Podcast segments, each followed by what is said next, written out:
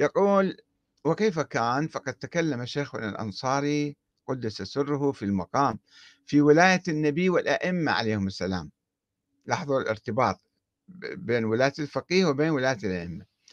ثم عقبه بالتكلم في ولاية الفقيه. الأنصاري بالقرن التاسع عشر كان. والكلام في ولاية النبي والأئمة عليهم السلام يقع في موارد أربعة. أحدها في ثبوت الولاية التكوينية لهم. وكون الخلق باختيارهم تكوينا. هذا من أنواع الشرك بالله تعالى والكفر هذا. الأئمة عندهم ولاية تكوينية وكون الخلق باختيار الدنيا كلها الخلق كله باختيارهم تكوينا يعني هم يكونوهم. هاي من أفكار المفوضة الغلاة المفوضة. وعند السيد الخوئي هذا شيء مسلمة يعني هذا بديهية يعني. لأنه هو كان مفوض. تابع للمفضل بن عمر المغالي الملعون.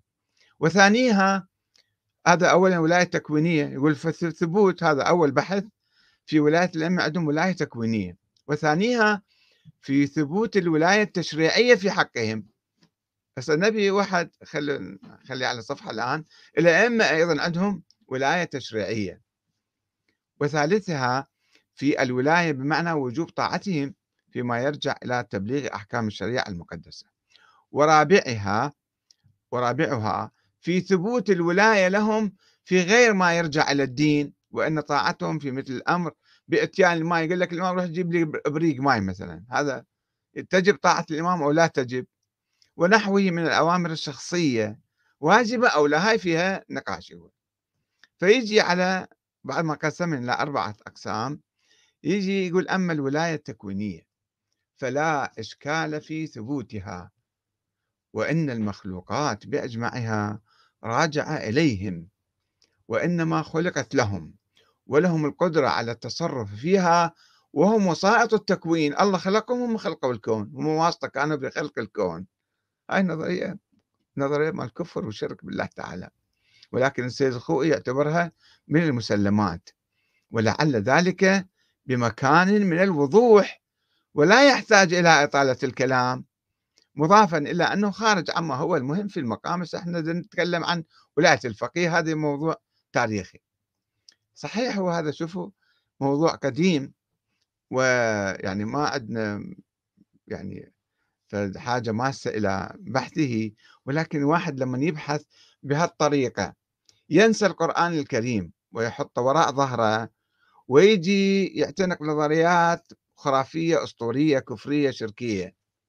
ويقول لك أنا المرجع الأعلى وأنا زعيم الحوزة وأنا ما باحث ما باحث في أي مكان ما باحث الموضوع السيد الخوي أتحدى أي واحد يجيب لي بحث في إثبات هالموضوع الولاية التكوينية. على شنو تعتمد؟ على زيارة الجامعة ولا على مفاتيح الجنان ولا كذا. شلون أنت مثلا مرجع عظيم؟ هاي مو بس المرجع الخوئي طبعا هذا يعني كثيرا ما أقول هسه كل كثيرا ممن يدعي الاجتهاد اليوم أيضا والمرجعية عندهم عندهم الأفكار المنحرفة مع الأسف الشديد منحرفة عن عن الإسلام وعن خط أهل البيت. وأما الولاية بالإضافة إلى أمر الدين وتبليغ أحكام الشريعة فهي أيضا لا إشكال في ثبوتها. الأئمة يعني عندهم ولاية تشريعية على الناس أو يسوون أحكام جديدة أيضا. والسيد السيستاني يقول كما ينقل تلميذه منير الخباز في كتاب الرافد في الأصول يقول أنه الأئمة ينسخون القرآن وينسخون السنة وينسخون أحاديث الأئمة السابقين وأحاديثهم السابقة يعني يجيبون دين جديد يطلع.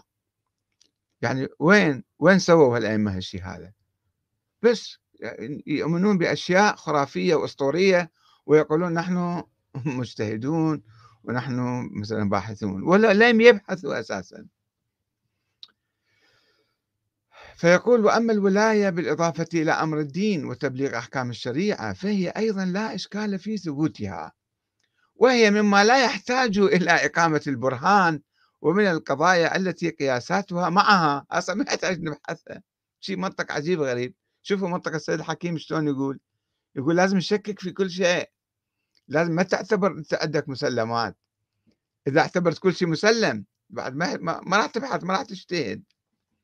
لأن وجوب الإطاعة لهم عليهم السلام فيما يرجع إلى أمر, أمر الدين من لوازم النبوة والإمامة. هسه النبي قلنا حطوا على صفحة هل كان مشرعا أم كان مبلغا فقط. نجي على الكلام على الأئمة. من هم الأئمة؟ وشلون عرفتهم؟ واحد واحد وكيف أثبتتهم من القرآن من السنة من الأحاديث ولا تلزيق في تلزيق في تلزيق وبعدين سويت لك نظرية قائمة على مجموعة أساطير. ولولا لولا هذا القول يعني وجوب الإطاعة. لما كان معنى معنى لنبوة النبي هذا قلنا حطوه على جنب أو إمامة الولي. شنو معنى الإمامة معناته؟ لازم تطيعه. وكيف كان؟ فلا ينبغي الإشكال في ثبوت الولاية بالإضافة إلى أمر الدين. أيضا هذا ما أصلا ما يحتاج إشكال لا ينبغي الإشكال خلص هذا موضوع ثابت وخلنا عبره ومسلم وبديهي وواضح وما يحتاج نناقش بعد. وأما الولاية في غير ما يرجع إلى الدين كأوامرهم الشخصية فقد وقع الكلام في ثبوتها وعدمه أنه أيضا واجب أو مو واجب والمتسالم عليه بينهم هو أن إطاعتهم لازمة في أوامرهم الشخصية متسالم عليه يقول ما عندنا يعني ويدل عليه يجيب آيات ويدل عليه قوله تعالى أطيعوا الله وأطيعوا الرسول وأولي الأمر منكم. من هم أولي الأمر؟ شلون تثبتهم واحد واحد؟ حيث أن سبحانه عطف إطاعة الرسول على إطاعة نفسه وهو يعطي التغاير بينهما ومن الواضح أن أن إطاعة الرسول فيما يرجع إلى أمر الدين إطاعة لله تعالى. إطاعة لله تعالى وهو داخل تحت قوله أطيعوا الله فلا محالة يكون المراد في الأمر بإطاعة الرسول إطاعته آه، في أوامره الشخصية. ويوضح ذلك أن الامتثال والإطاعة لله إنما يكون بإطاعة أمر الرسول إذ لا يأمر الله أحدا بلا واسطة. فكأنه تعالى قال أطيعوا الله بامتثال أمر الرسول ثم عطف عليه الأمر بإطاعة الرسول في أوامره الشخصية. يعني إذن فالشيء صار إضافي جديد في أوامر الشخصية أيضا لازم نطيعه. وقد فسر أولو الأمر منو الأمر؟ منو فسره؟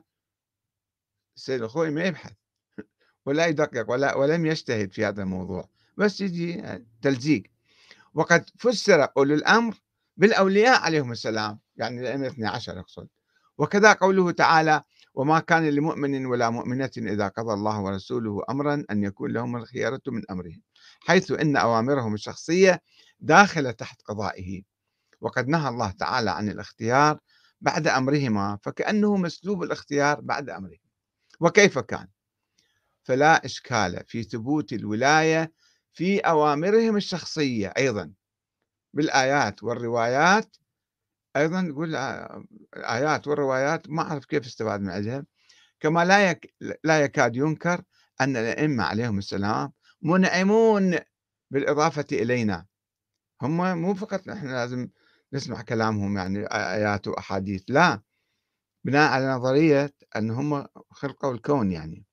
منعمون بالإضافة إلينا حيث أنهم وسائط في الإضافة والإيجاد. أصلا هم خلقونا هم سوونا هم أوجدونا. فإذا لازم شلون واحد يشكر أبوه لأنه هو تسبب في ولادته فلازم يشكر أيضا الأئمة ويسمع كلامهم لأنهم أنعموا عليه بالوجود لأنهم كانوا وسائط في الإفاضة والإيجاد. هذا وين الثقافة هاي؟ من, من القرآن الكريم. وين من من أحاديث النبي المتواترة الصحيحة؟ وين من أحاديث أهل البيت الصحيحة؟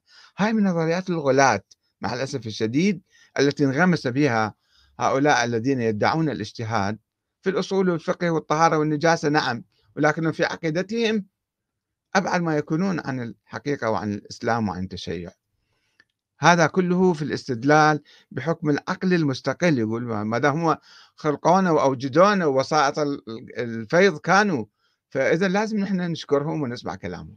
هذا شوفوا الغلو. يعني يعني ما أعرف ليش يعني وين بحث المواضيع؟ لا لا لا يفتح لنا قران ولا يفتح لنا شيء بس نظريات. وأما الولاية التشريعية. وكون الأئمة